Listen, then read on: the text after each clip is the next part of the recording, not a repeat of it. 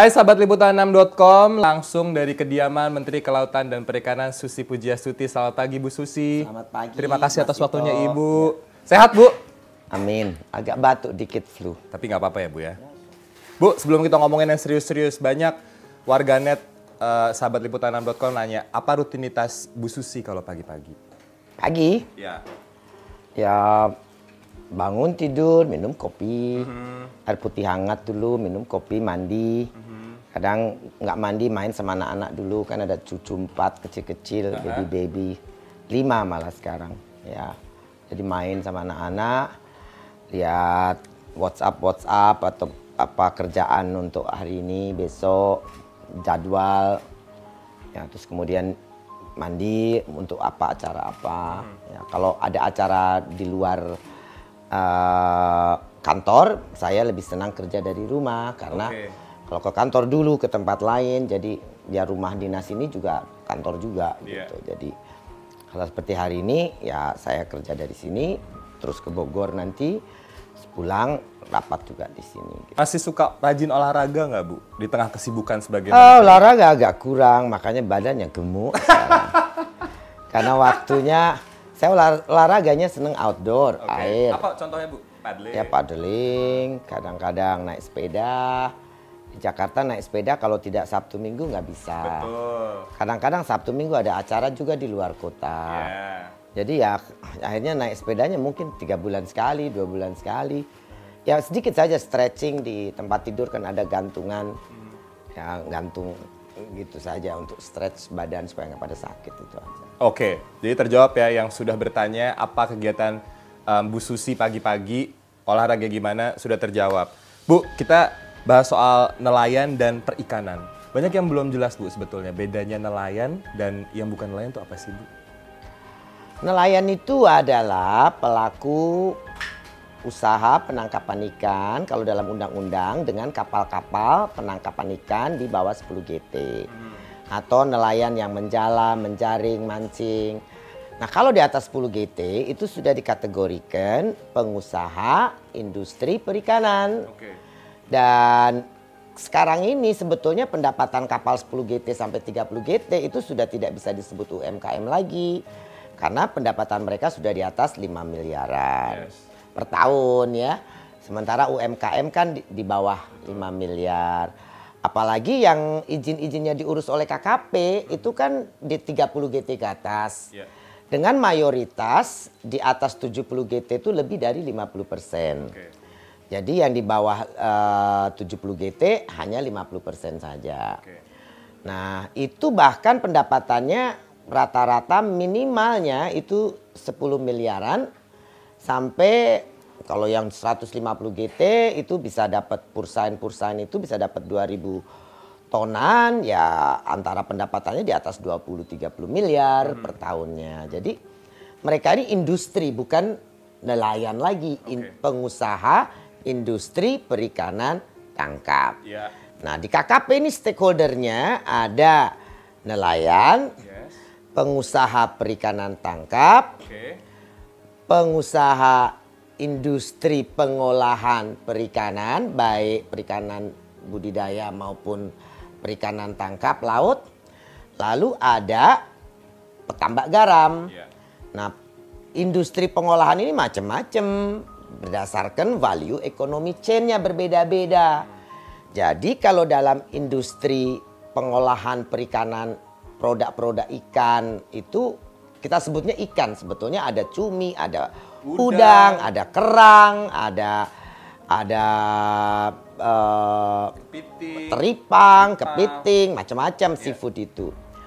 Yang paling rendah nilainya biasanya yang masih dalam bentuk ikan asin saja atau di asap, naik lagi di kaleng, naik lagi kalau dibekukan nilai ekonominya.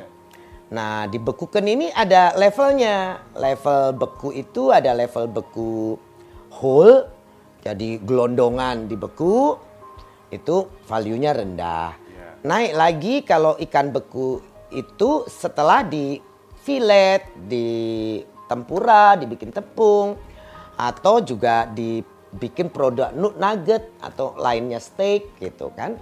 Atau di sate kalau udang, dibikin kayak tepung gitu, dibikin hamburger, bikin apa gitu kan. Bikin macem-macem. Nah, nah yang paling tinggi nilainya dari frozen itu adalah yang frozen on board. Frozen on board. Nah, kita bilang industri uh, ini tidak apa tidak tumbuh pertanyaan kan banyak. Oh Iya. tidak. Dalam 3 4 tahun terakhir ini kapal baru yang terdaftar di Kementerian Kelautan itu naik lebih dari 3000 kapal. Artinya ada pertumbuhan di situ. Ya, nah rata-rata kapal di atas 30 GT zaman sekarang ini itu sudah pakai cold storage di dalamnya. Oke. Jadi mereka langsung tangkap, diolah pembekuannya di atas kapal. Iya. Tapi pengolahannya hanya proses pembekuan saja. Nah ini yang sebetulnya harus kita tingkatkan. Produk frozen on board ini kualitasnya sangat bagus, harganya sangat mahal. Nah kalau dia di defrost di proses di dalam di apa di di daratan di pelabuhan-pelabuhan oleh masyarakat kan itu menambah lapangan kerja. Iya. Yang kedua menambah nilai tambah dari ikan itu sendiri, produk itu sendiri.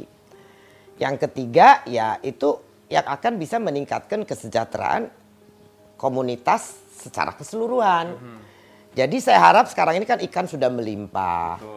Kapal-kapal besar sudah banyak. Nah, saya inginkan para pengusaha perikanan tangkap ini jangan cuma frozen on board jual, tapi juga membuat pabrik pengolahan supaya nilainya bisa ditambah dan memberikan lapangan kerja. Iya. Untuk ini saya akan bekerja sama dengan Menteri Perindustrian memulai supaya kita ini tidak tidak lagi ekspor whole frozen. Nggak ekspor lagi whole frozen. Ya, jadi utuhan gitu diekspor frozen. Kalau misalnya itu ikan hidup atau fresh produk, jadi naik lagi dari nilai whole frozen on board itu adalah yang hidup dan yang segar. Ya. Itu langsung, tapi itu memerlukan eh, angkutan udara atau kapal khusus untuk tampung ikan hidup seperti itu. Em, banyak juga yang kemudian beredar adalah soal izin, Bu. Izin penangkapan ikan. Ini sekarang lebih mudah atau justru jadi masalah baru atau seperti apa, Bu?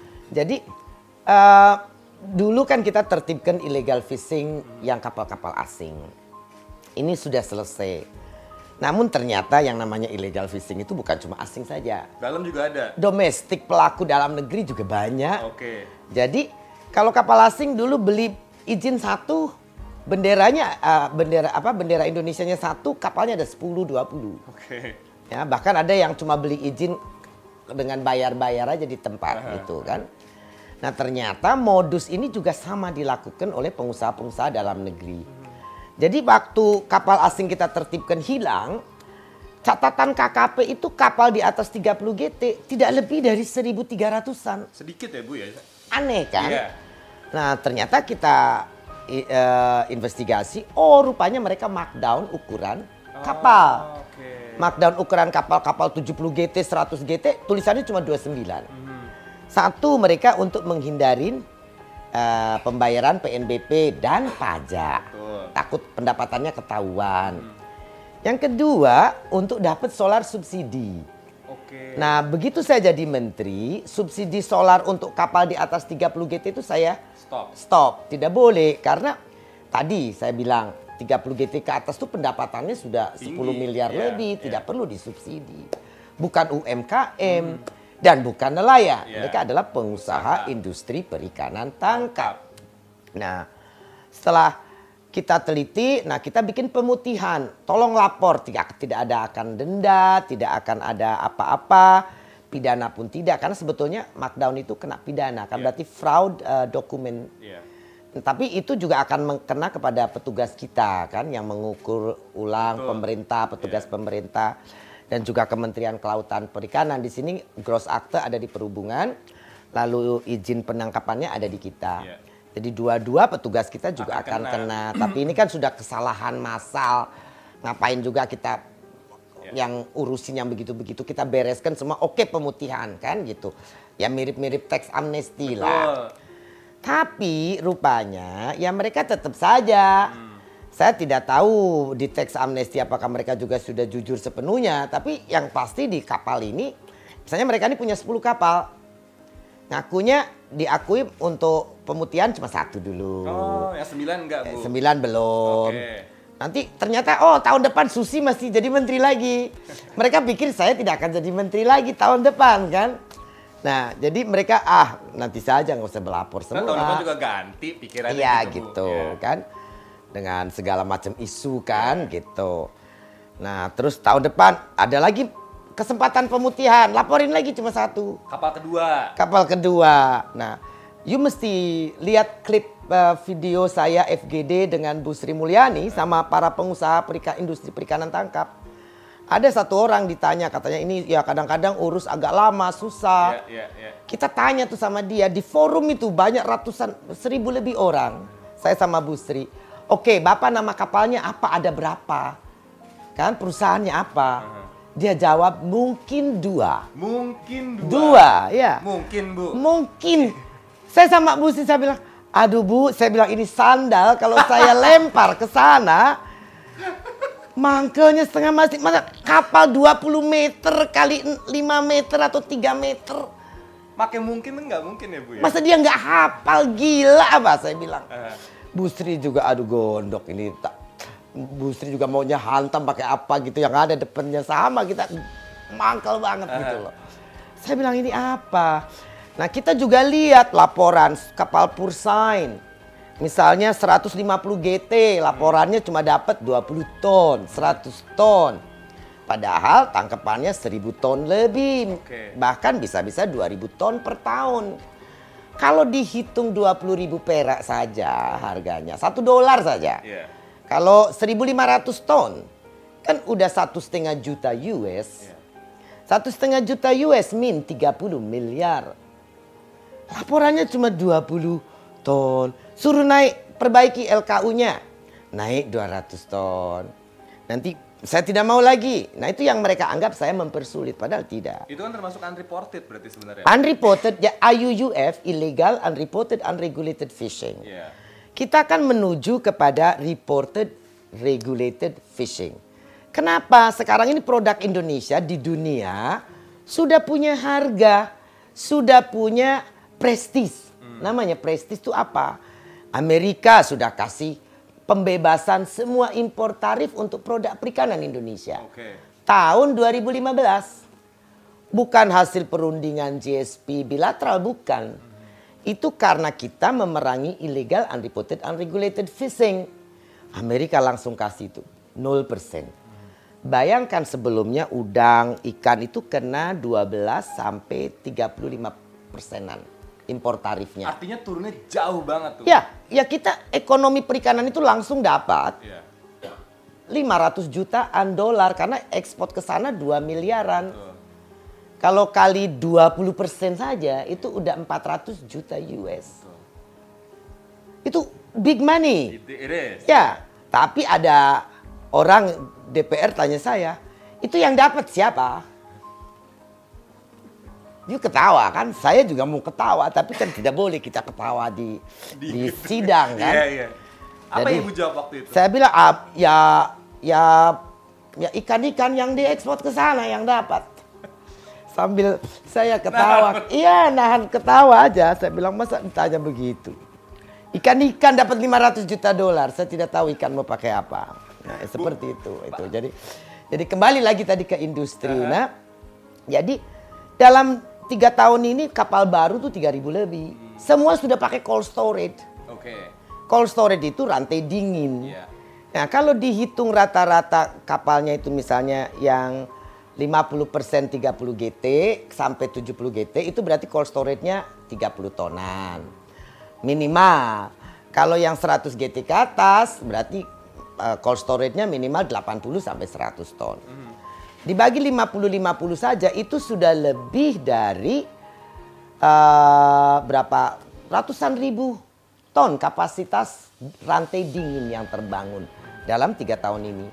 Kenapa banyak bangun kapal? Karena ikan banyak. Iya. Stok ikan kita itu dari tahun 2016 hasil kajiskan dan eh, jadi komite pengkajian ikan nasional itu bukan klaim KKP ya. Itu 12,5 juta ton. Naik dari sebelumnya 7 juta ton. Ya, jadi hampir dua kali lipat. Betul. Tapi sebetulnya kalau dari pengalaman saya sebagai orang perikanan dulu tahun tahun 9 tahun 82 sampai tahun 96 mulai ekspor kemudian tutup tahun 2000 karena ikan nggak ada. Karena 2001 pemerintah Indonesia mengizinkan kapal asing masuk. Jadi akhirnya ikan hilang. Itu momen yang Ya dulu susah ya? saya tidak tahu kenapa. Saya pikir kita yang menghabiskan ikan itu. Sekarang saya tahu bahwa bahwa pemerintah tahun 2001 itu mengizinkan kapal asing untuk bisa masuk ke Menangkap Indonesia ikan. berbendera Indonesia ya gitu. Jadi nah dari situ kita melihat bahwa bahwa data data stok ikan turun jauh, jumlah rumah tangga nelayan juga turun dari 1,6 hanya tinggal 800 ribu saja. Eh, ada 100 lebih eksportir tutup tidak ekspor lagi nilainya miliaran dolar. Tapi waktu itu tidak ada yang peduli, tidak ada yang tahu, tidak ada mungkin juga tidak tahu atau nobody want to understand. yes. Karena untuk care dan do something kan mesti mengerti. Iya. Nah, teriakan dan collapsing industri dalam negeri tidak ada yang tidak ada yang aware waktu itu. Nelayan turun, Cirebon udang habis. Padahal kota udang ya, Bu. Ya kota udang sekarang udangnya nggak ada lagi. Mulai tahun 2000 ke sini langsung drop turun. Tapi itu juga penyebabnya bukan illegal fishing kalau di situ cantrang di Pantura mulai banyak. Iya. Nah cantrang ini persoalannya adalah eh, mereka nangkep dari dasar sweeping panjang talinya tuh ada yang 2 km, ada yang 6 km. Padahal Laut Jawa itu eh, kedalamannya cuma 40 meter saja. Jadi digaruk dari bawah ya skalop hilang, rajungan hilang, udang hilang. Dan yang parah lagi mereka ini juga membuang hasil tangkapannya minimal 50%-nya dibuang. Jadi banyak kerugiannya dibanding Oh, ah, BPK sendiri sudah bikin kajian. Itu kerugian negara tuh 13 triliun per tahun. Oke. Dari dari potensi yang rusak, yang terbuang. Iya. Karena ikannya kecil-kecil sekali yang didapat. Jadi yang diambil kan yang agak gede yang punya nilai ekonomi. Dan ya itulah kenapa kita ingin menuju kan Pak Presiden ingin menjadikan laut masa depan bangsa. Betul. Itu misi beliau. Berarti harus ada keberlanjutan. Kedaulatannya kita udah udah ya walaupun masih ada kita nangkepin kapal ikan kapal Ilegal. ilegal asing masih ada tapi it's much less lah sekarang. Walaupun sekarang mereka saya lihat udah mulai modus-modus baru nih. Mereka sekeliling perbatasan di Papua Nugini, di Timor Leste ini mulai banyak lagi. Mereka masuk ke dalam untuk tangkap. Oke. Nah, uh, tapi it's much less sudah udah udah sangat sangat berkurang. Namun ya kalau kita tidak jaga, dulu zaman Pak Harto tuh melakukan pelarangan troll. Nah kita ya harus melakukan ini. Bukan kita melarang mereka melaut, gantilah alat tangkapnya. Ikan sudah banyak. Sekarang kakap merah di Arafuru banyak sekali. Jangan sampai yang nangkep di Arafuru itu hanya orang-orang dari Medan, Bagan Siapi-Api, gitu orang Muara Baru.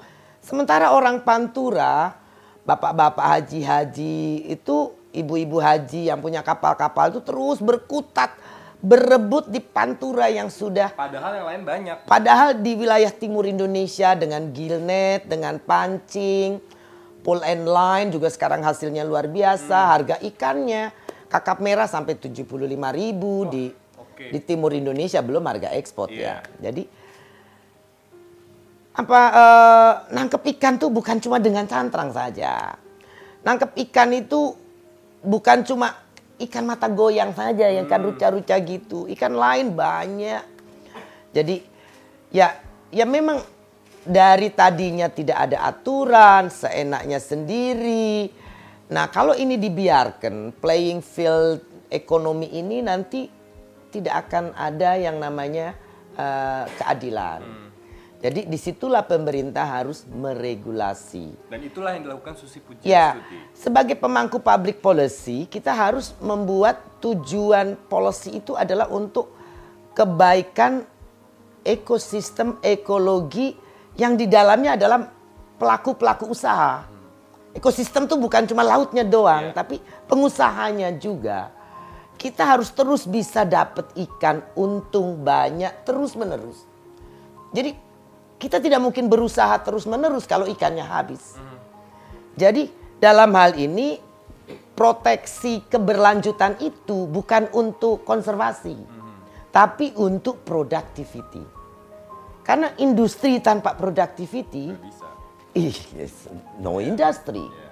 Nah ini yang yang harus dimengerti oleh uh, para pengusaha. Tapi ya itu tadi sebagai contoh aja kenapa kita buat tata kelola izin itu seolah-olah dianggap berbelit. Padahal sama sekali tidak. Sekarang semua sudah online. Yes. Kita satu mau pengusaha jujur. Kapalnya ukurannya benar. Yeah. Yang kedua, laporan hasil tangkapannya benar. Yang ketiga, mulailah good governance dalam menata kelola usaha itu benar. Sekarang ini kita mendapatkan indikasi 4 ribuan kapal which is lebih dari 50% tuh. Kan kapal yang besar di atas 30 GT itu ada 7 ribu. Nah, 4, 50 persennya, 4 ribuan itu ternyata indikasi ini grup yang dimiliki oleh 8 sampai 20 orang saja. 8 sampai 20 orang. Iya. 4000 kapal. Iya. So ini adalah hal yang yang yang ya sangat tidak baik untuk ekonomi pemerataan dan keadilan. Nah, kita ingin ini dibenarkan.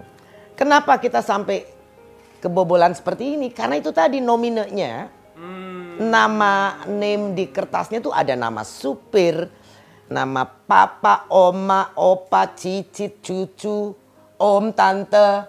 Nama siapa pun Ya. dimasukin. Nah, mereka juga biasa ngurus izinnya pakai mak calo, Iya. tidak pernah mau datang sendiri, tidak mau isi sendiri. Jadi ya yang akal-akalan ini gitu loh. Jadi kita tuh mau betulkan kan kita ditegur juga toh. PDB perikanan begitu tinggi tapi pajaknya tidak seimbang. Betul. Jadi nah sekarang kita udah ningkat dari 300 miliar dalam 4 tahun ini sudah naik menjadi satu setengah triliun tahun kemarin. Kita harapkan dengan perbaikan pelaporan, ternyata kemarin Dirjen Tangkap sudah melakukan verifikasi seribu kapal saja. Tambahan tangkapannya itu satu juta ton. Wow. Satu juta ton itu kan satu miliar dolar. Iya. Nah itu dia. Jadi jadi ekonomi yang sesungguhnya ini belum kelihatan karena unreportednya masih tinggi. Itu yang sedang dikerjakan. Dan ini kita sedang menata kelola. Jadi bukan mempersulit sekarang semua sudah online. Tadi ada SMS dari orang Bitung, you mesti tayangkan Iya. apa kata dia. Semua kita sudah pemuda. Tapi kalau you mau main-main, bukan dipersulit, tapi kita tidak akan kasih izin lagi. Transshipment di tengah laut ke kapal asing juga pasti kita hukum gitu loh. Nah persoalannya kadang-kadang pemerintah kita-kita nih kadang-kadang membuat kebijakan tidak firm. Kalau tidak firm, akhirnya mereka mencari celah. Kayak mereka ini nunggu, ah bu, kapan menteri ini diganti. Nah kita bisa lagi main-main di belakang, kan seperti itu. Jadi ya, ya, ya public policy yang firm dan dengan tujuan tadi untuk kesejahteraan masyarakat, ya pertama kita jaga kedaulatan dari kapal asing. Yang kedua keberlanjutan, menjaga sumber daya alam itu terus ada. Ya. Nah, sebetulnya ekonomi yang paling tinggi adalah tadi dari perikanan itu adalah yang fresh dan hidup. Nah persoalan di hidup ini nilai ekonominya tinggi, tapi cara-cara menangkapnya juga masih salah. Iya.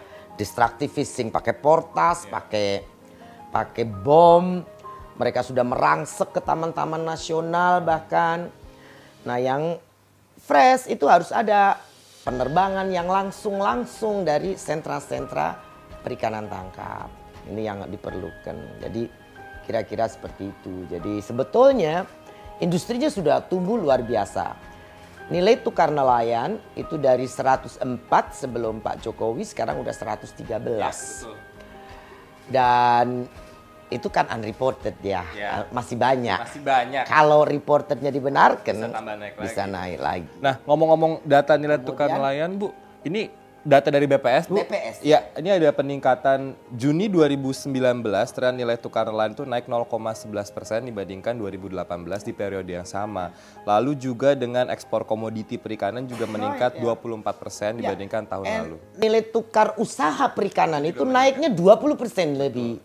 Itu 60% dianggap masih unreported. Oke. Kalau saya pribadi masih percaya 80%. Yang unreported, ya? unreported. So can we, we can imagine kalau yang unreported tuh makin Ya. sedikit maka akan makin meningkat lagi. Yang teman? jujur-jujur bicara Bu sekarang punya kapal itu dua trip saja sudah kembali investasinya. Cepet ya bu, Iya. karena ikannya banyak. Jadi investasi kapal baru itu kalau 3000 kapal saja dikali rata-rata 2-3 miliar itu sudah berapa? Ya, Nilai berapa triliun? 3 kali 3. sembilan. 9 triliun investasi kapal saja. Belum alat tangkapnya dan lain-lain kan. Dan bisnis chain-nya kan. Iya. Jadi nah ini juga unreported. Jadi investasi unreported, hasil tangkapan unreported. Dan ini yang sebetulnya Indonesia harus segera perbaiki. Supaya ekonomi kita kelihatan oleh dunia bagaimana kinclongnya. Kalau ini kelihatan, investasi pun akan lebih Masuk. banyak masuk. Dan kita untuk pengolahan sudah buka 100% asing boleh. Itu Yang yang tidak boleh tangkap. Nah ini juga jadi banyak isu di luaran gitu katanya Bu Susi ini mempersulit investasi. Nah yang saya mau tegaskan investasinya Oh, enggak. itu yang yang mana nih Bu penangkapan, pengolahan atau Penangkapan memang tidak boleh. Oke. Dan itu sesuai dengan kalau ada ba- baca buku itu sovereignty dan sea, Iya. Sea and sovereignty itu ber- kita harus jaga kedaulatan laut. yang nangkep boleh orang negara Ya. itu doang ya Bu? Ya, yang kalau investasi perikanan tangkap Ya. harus PMDN, Ya. nasional eh, nasional, nelayannya juga harus orang Indonesia. Ya. Masa nangkap ikan aja harus orang asing kan tidak benar. Jadi, nah untuk pengolahannya yang dulunya minoritas asing, saya kasih 100% asing Hmm. itu. Itu. Agar masih bisa masuk investasi di situ. Ya, dan dan itu nilainya kan value-nya tinggi. Betul. Kita juga mengundang mereka. Indonesia juga pasar besar. Ya. Bayangkan konsumsi ikan naik dari eh, 36 kilo sekarang sudah 50 kilo. Hanya dalam waktu 4 tahun. Tahun. Nah, 50 kilo kali 250 juta Betul. itu berarti 10 eh, 12 setengah juta ton. Kalau kali 14 ribu satu dolar harga ikan itu 14 and half billion Yeah. dollars. Ya. 14 and half billion dollars is 100 triliun. Belum ekspor yang mencapai 5 miliar dolar lebih kan. ya. Jadi kalau dilihat dari sini Indonesia tuh sebetulnya kalau kita di, di laporan pasar Eropa kita nomor dua di bawah Cina. Oke. Cina produksinya paling tinggi e- ekonomi perikanannya kita nomor dua. Kalau menurut saya andai saja itu reported Bener semua. Ya, kita ini nomor satu. Dan sudah diakui satu dari enam tuna di dunia yang dimakan itu adalah dari Indonesia. Jadi kalau ada yang bilang, oh di RFMO kapal-kapal tuna kita kurang. Ya di RFMO kan kita tidak catatkan semua. Dan kapal-kapal yang di bawah 30 GT kan memang kita tidak catatkan di RFMO. Itu ya untuk kita di dalam saja. Kan itu laut di dalam wilayah kita. Ngapain juga kita mesti daftarin ke RFMO. Kan seperti itu. Dan yang terakhir adalah eh, saya melihat kalau ini terus dijaga. Jadi policy dipertahankan, kemudian eh, para pelaku usaha juga akhirnya sadar bahwa sustainability itu penting untuk bisnis mereka. Productivity ini tidak boleh kurang. Kalau kurang ya. Dan sumber daya ikan itu adalah sumber daya yang renewable. Ya. Bisa terus ada Ya. kalau dijaga. Kalau dijaga, even more. Even more. Kalau restriction on uh, renewable resources itu biasanya hasilnya hanya more productivity. Iya. Kalau tidak dijaga, habis. But if you put limitation, restriction, itu hasilnya bukan berkurang, tapi malah tambah banyak. Betul. Tadi kita ngomongin ekspor, Bu. Nah, temen ekspor kan impor. Belakangan Bu Susi ini ramai juga ngomongin impor garam. Ibu bilang katanya ada kebocoran. Dan segala macam. Sebetulnya maksudnya bocor tuh garam apa sih, Bu? Jadi gini, saya mau harus bicara fakta. Ya. Fakta kebutuhan garam nasional itu 4 juta lebih ton. You mesti bicara sama dirjen ya untuk angka pastinya koma-komanya. Iya. Nah, produksi dalam negeri itu tidak mencapai 2 juta ton. Iya. Nah, kenapa ini 2 juta ton pada laut kita panjang, laut kita luas, pemilik pantai terbesar di nomor 2 di dunia? Ya karena dari dulu kehidupan para petani garam ini kurang tersupport dari sisi ekonomi garam itu sendiri. Jadi penjualannya. Kenapa? Ya faktanya garam impor tuh lebih murah. Oke. Lebih bersih, lebih bagus. Ya. Kebutuhan industri dari garam banyak. Ya. Nah, makanya ada pengaturan garam industri, garam konsumsi. Garamnya sama. Ya, mungkin kualitas berbeda tapi garamnya sama. Semua garam industri bisa dimakan. Ya. Garam Konsumsi. konsumsi. ya bisa dimakan. Ya. Hanya bedanya kebersihannya dan kekeringannya barangkali di situ. Nah, namun ya kita juga harus berpikir industri dalam negeri mesti jalan para petani ini kan. Nah, makanya ada pengaturan dalam undang-undang apa KKP punya tupoksi untuk melindungi dan memberdayakan petani garam. Ya. Nah, kebutuhan garam import biasanya tahun 2015 saya mulai turun tangan karena mulai cawe-cawe karena harga garam jatuh, nelayan rugi. HPS mereka tahun 2015 tuh 600-an sampai 700-an. Sementara kalau panen garam import masuk ada yang bocor. Yang Ya. bocor ini pengusaha karena beli 600 perak.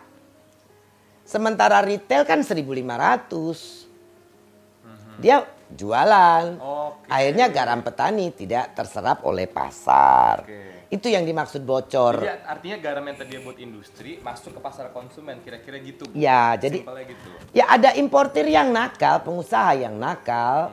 Yang ini mestinya tidak boleh ada demi keberlanjutan industri dan ekonomi Indonesia ke depan. Pengusaha ini yang memang perlu untuk industrinya ya silahkan. Tapi jangan jual ke pasar. Kalau jual ke pasar rakyat panen, fakta itu tidak bisa dicegah. Petani tidak menguasai logistik pemasaran. Distribusi logistik pemasaran garam, petani tidak punya. Jadi kalau ada garam import sudah mengisi pasar, otomatis garam petani tidak terserap. Nah kita di sini meminta PT Garam tadinya untuk menjadi balancer lah, penyeimbang. Oke. Dia mestinya garam konsumsi itu yang boleh import. Kan memang ada industri pangan yang perlu import Garam, juga. Karena garam jumlah garam dalam negeri juga belum bisa mencukupi. Namun tentu dibatasi. Jadi selama ini import ya rata-rata 2,1, 2,7. Saya melihat tahun kemarin importnya terlalu banyak 3,7. Yang mungkin itu yang menyebab penuhnya garam di pasar dan garam petani tidak terserap.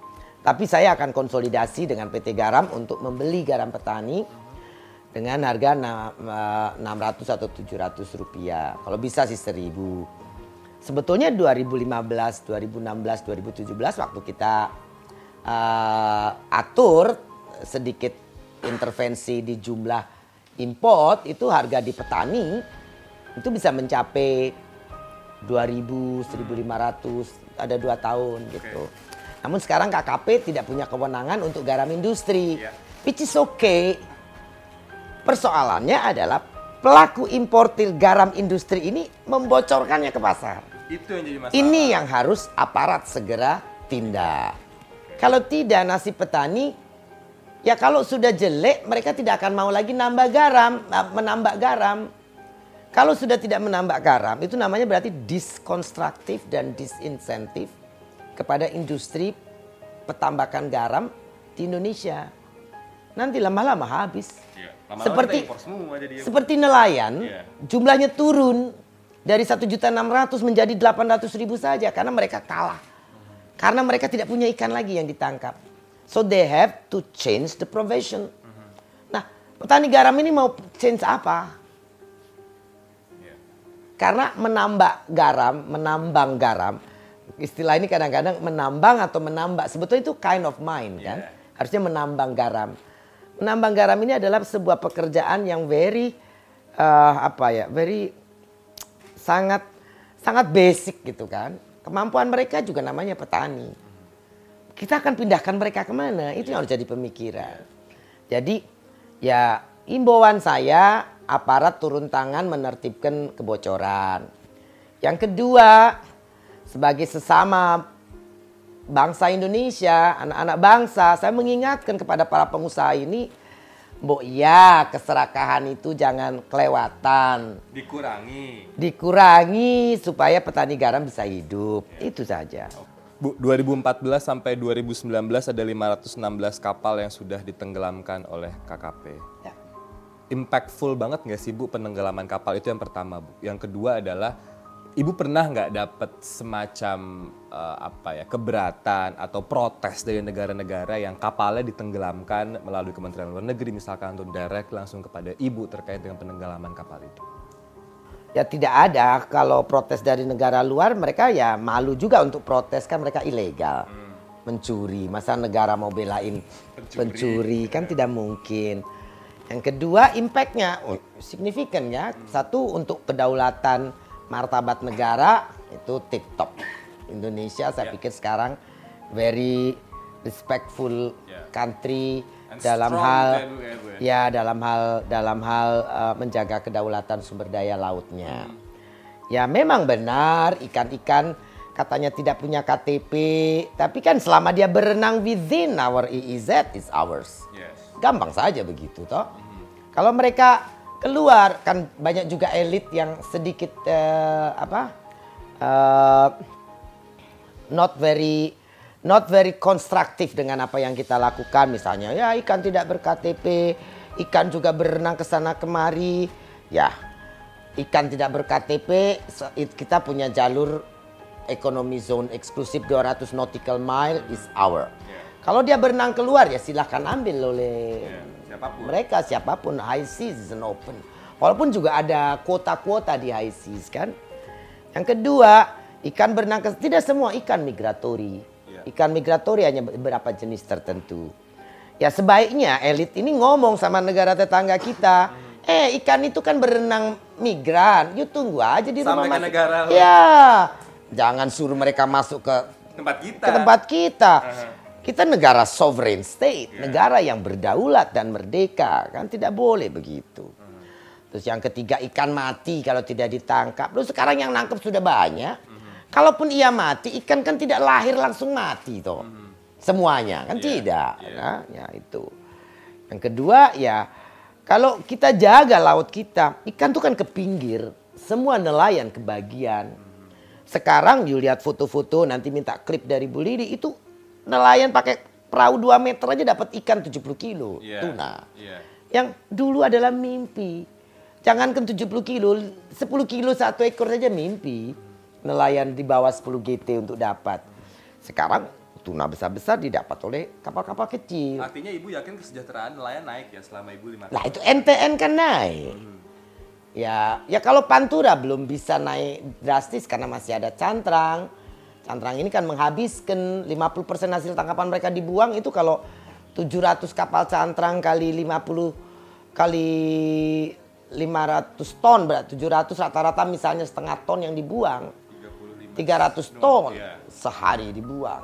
Kalau itu jadi setengah kilo satu ekornya berapa iya. ribu berapa juta ton. Ya itu mestinya itu bisa menghidupin orang Pantura yang begitu padat dan banyak. Betul. Jadi negara itu mengatur bukan atas dasar apa. Jadi ya demi keberlanjutan sesuai dengan visinya Pak Presiden laut masa depan bangsa. Dan itu benar karena laut itu renewable resources.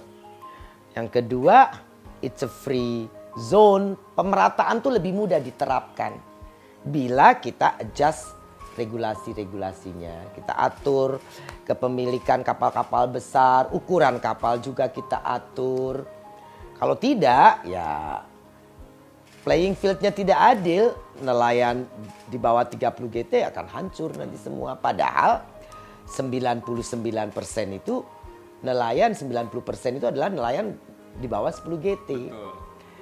Jadi itu dan mereka jutaan orang. Nah, 7000 kapal kalau dijumlah itu yang 4000 milik 20 orang. Yang 3000 mungkin milik 1000 orang. Jadi ya nilai ekonomi mestinya tidak boleh diukur dari perorangan seperti itu. Jadi setiap setiap orang punya hak Iya.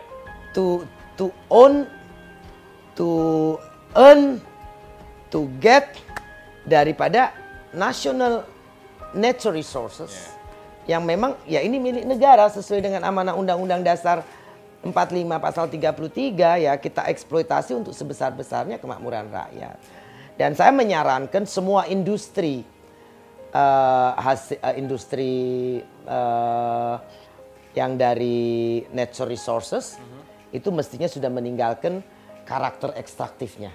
Jadi jangan ekstrak ambil lepas. Jadi coba refinery, coba proses, coba apa. Itu Supaya value-nya bertambah ya, Bu Ya. ya. Dan itu juga untuk menambah lapangan kerja. Ya. Kita ini surplus demografi. Mau dikemanakan? Karena industri 4.0 itu akan memangkas banyak sektor conventional job yang lama. Pasti akan berkurang. So kita harus membuat perikanan ini, sumber daya kelautan dan perikanan ini menjadi new profession field, space baru untuk lapangan kerja. Supaya bisa masuk demografi itu ke situ. Ya, supaya tidak menjadi bumerang bagi Iya. kita. Nanti kalau terlalu banyak usia produktif nggak bisa kerja kan, masa kita mau jadikan mereka buru-buru kasar semua. So, kalau nelayan itu walaupun dengan kapal 10 GT, they are entrepreneur, Iya. they are businessman. Dan kalau sukses kan duitnya juga langsung ke mereka Iya. sendiri ya, Bu ya. Dan sekarang nelayan-nelayan yang di bawah 10 GT kan ada asuransi. Iya. Kita inisiatif asuransi, di cover kalau kecelakaan di laut. Nah setelah tahun kedua mereka harus teruskan mandiri sendiri. Dengan premi cuma 175 ribu per tahun mereka bisa tercover 160 juta kalau mati di darat, mati di laut 200 juta. Untuk kesehatannya ada 20 juta. Kemudian kalau cacat tetap ada 100 juta. Kan itu sudah you kerja di perusahaan pun belum tentu dapat asuransi seperti itu. Betul sekali. Jadi profesi baru jadi nelayan. It's a new trend, guys. It's a new trend. Ya, it's an Right. entrepreneur, i- Iya, it's a part of businessman. Iya, iya. Jadi kayak lu kerjanya apa? Businessman apa? Iya dan Nelayan. dan mereka pendapatannya lebih dari UMR sekarang kapal kapal-kapal di bawah 10 GT itu udah minimal 1 sampai 2 miliar sekarang pendapatannya. Seapes-apesnya mungkin 200 juta setahun. Siapa-siapa saya 200 juta, Bu. Iya. Eh, Saya jadi nelayan habis ini, Bu. Ya, you you juga lebih sehat. You Iya. get sun every day kan. Iya. Sunblock matahari. Ah, tanning bagus. Bu, nih kalau ngo- di luaran nih Bu ya, kalau kita me- mengetik nama Susi Pujiastuti, warganet tuh pasti akan banyak ngomongin tentang kebijakan-kebijakan Ibu. Yang mungkin di awal banyak orang eh, rame-rame, kayak cantrang, lalu kemarin eh, pelarangan, eh peledakan kapal dan segala macam, pelarangan transaksi di tengah laut gitu. Di awal-awal mungkin banyak orang apa namanya cawe-cawe Bu, protes dan segala macam. Terus orang bertanya, Bu Susi ini nggak takut ya sama orang-orang yang dibalik itu atau seperti apa? Saya takut kalau salah. Kalau saya pikir apa yang saya lakukan tidak salah, itu benar. Waktu kita mau menenggelamkan kapal juga kita baik-baik kok panggil dubesnya. Bahwa kita ada undang-undang, akan saya terapkan begini. Karena tugas presiden menjadikan laut menjadi masa depan bangsa ini. Jadi ya itu harus saya lakukan misalnya. Ya, ya kalau salah saya takut. Tapi jalan terus. Ya, yang saya lakukan adalah hal yang biasa dalam posisi saya sebagai menteri. Mestinya that's what we have to do. When you have that position dan wewenang itu, ya you mesti lakukan gitu. Kalau salah saya ya takut, tapi kalau saya itu benar, ya ya kenapa juga harus takut kan? Saya diperintah presiden. Bu Susi, eh, hampir lima tahun memimpin KKP. Apa pekerjaan rumah yang masih tersisa menurut Ibu? Eh, yang sudah direncanakan dan dibicarakan dengan Pak Presiden belum selesai itu adalah restrukturisasi organisasi KKP baru baru penggabungan dua dirjen jadi satu golden handshake untuk memperbaiki mengurangi jumlah jumlah PNS karena kan dengan kemajuan teknologi juga memang harus dikurangi Eh, kemudian merekrut yang yang lebih cum laude cum laude gitu. Jadi merefresh better quality man resources dari KKP sebagai pelayan publik supaya jadi lebih baik. Yang kedua restrukturisasi organisasi yang itu dalam internal KKP. Yang yang kedua di luar KKP kebijakan ini kan masih terus harus ada pengamanan Eh, di perikanan tangkap tata kelola masih harus dibenahi Eh, perizinan alokasi jangan sampai nanti laut Indonesia dikuasai 10.000 kapal milik 30 orang saja Ya. Nah, itu ya. kota kita dia Bu ya. Ya. Kemudian eh, jangan sampai illegal fishing masuk dengan modus-modus baru. Jangan sampai destructive fishing mengha- menghancurkan terumbu karang semua karena ini indikasinya masih tinggi. Jadi tata kelola di apa di konsesi, tata kelola di keberlanjutan, kemudian tentunya di pemerataan. Ini tiga ini. Lalu tentu saja konservasi-konservasi wilayah perairan yang memang sudah dialokasikan oleh negara untuk komitmennya kepada uh, United Nation. Kan kita sudah sudah declare, sudah state akan akan ini sebanyak 20 juta hektar ya. Kemudian uh, membangun sumber daya manusia kelautan dan perikanan, membangun poltek-poltek tambahan itu mestinya kita tingkatkan karena itu adalah sumber pekerjaan baru. Ya. Tapi dengan catatan kalau polisi kedaulatan dan keberlanjutan ini menjadi Kuncinya program utama. Program. Kedau iya, iya, kesejahteraan itu akibat dari kan pilar kita Ya, tiga. ya. Mengawal laut masa depan bangsa dan poros maritim dunia, Pak Presiden. Saya buatkan tiga pilar sebagai programnya KKP, kebijakannya KKP. Satu kedaulatan, dua keberlanjutan, yang ketiga kesejahteraan. Tapi ketiga ini mestinya bukan lagi program, tapi akibat dari Dua dijalankan dengan benar, konsisten, uh, progresif, kemudian uh, juga afirmatif. Afirmatif ini penting karena di lapangan pemain-pemain, petani-petani, pengusaha-pengusaha ini tidak semua level kapasitasnya sama. Iya. Di sinilah regulator harus berbuat. Jadi tadi eh, konsisten, kemudian eh, progresif, lalu yang ketiga afirmatif. Ini penting supaya kesejahteraannya eh, solid. Ya. Kalau kesejahteraan hanya untuk segelintir kan itu tidak sesuai dengan eh, Pancasila kita Ya. kan itu. Oke. Bu, pertanyaan pamungkas nih Bu. Udah ditawarin lagi untuk posisi kedua kalinya Bu sebagai Menteri Kelautan Perikanan. Belum. Tidak ada. Dan itu urusan Pak Presiden mestinya. Saya heran semua orang di medsos, di TV, di apa ngurusin siapa jadi menteri. Itu udah jelas undang-undang prerogatif presiden. Ya sudah Pak Presiden yang menentukan. Tapi kalau Ibu diminta lagi, Bu Susi bantu saya lagi, Ibu nerima apa enggak? Ya nanti kita ngobrol dengan Pak Presiden. Feeling? Saya lihat nanti ngobrol dengan Pak Presiden. Oh, siap. Tugasnya apa? Bisa tidak saya lakukan kan? Kalau dikasih kesempatan tuker kementerian, Bu, Ya saya tidak tahu, saya tidak mau berspekulasi atau ber, berande-ande atau apa tugasnya seperti apa. Kementerian yang sama juga kan harus bernya berbeda tugasnya apalagi kan apa pun itu ya saya tidak mau berande-ande. Dan itu hak prerogatifnya presiden. jadi sampai sekarang belum ada obrolan dengan Pak Presiden. Tidak, belum pernah ketemu sejak sejak kemarin sebelum cuti, sebelum lebaran belum ketemu lagi. Hari ini mau ratas, eh mau rapat paripurna. Bu Susi terima kasih banyak atas ngobrol-ngobrolnya. Sukses terus. Mudah-mudahan apa yang telah dikerjakan bisa membawa manfaat untuk nelayan dan juga masyarakat Indonesia secara luas.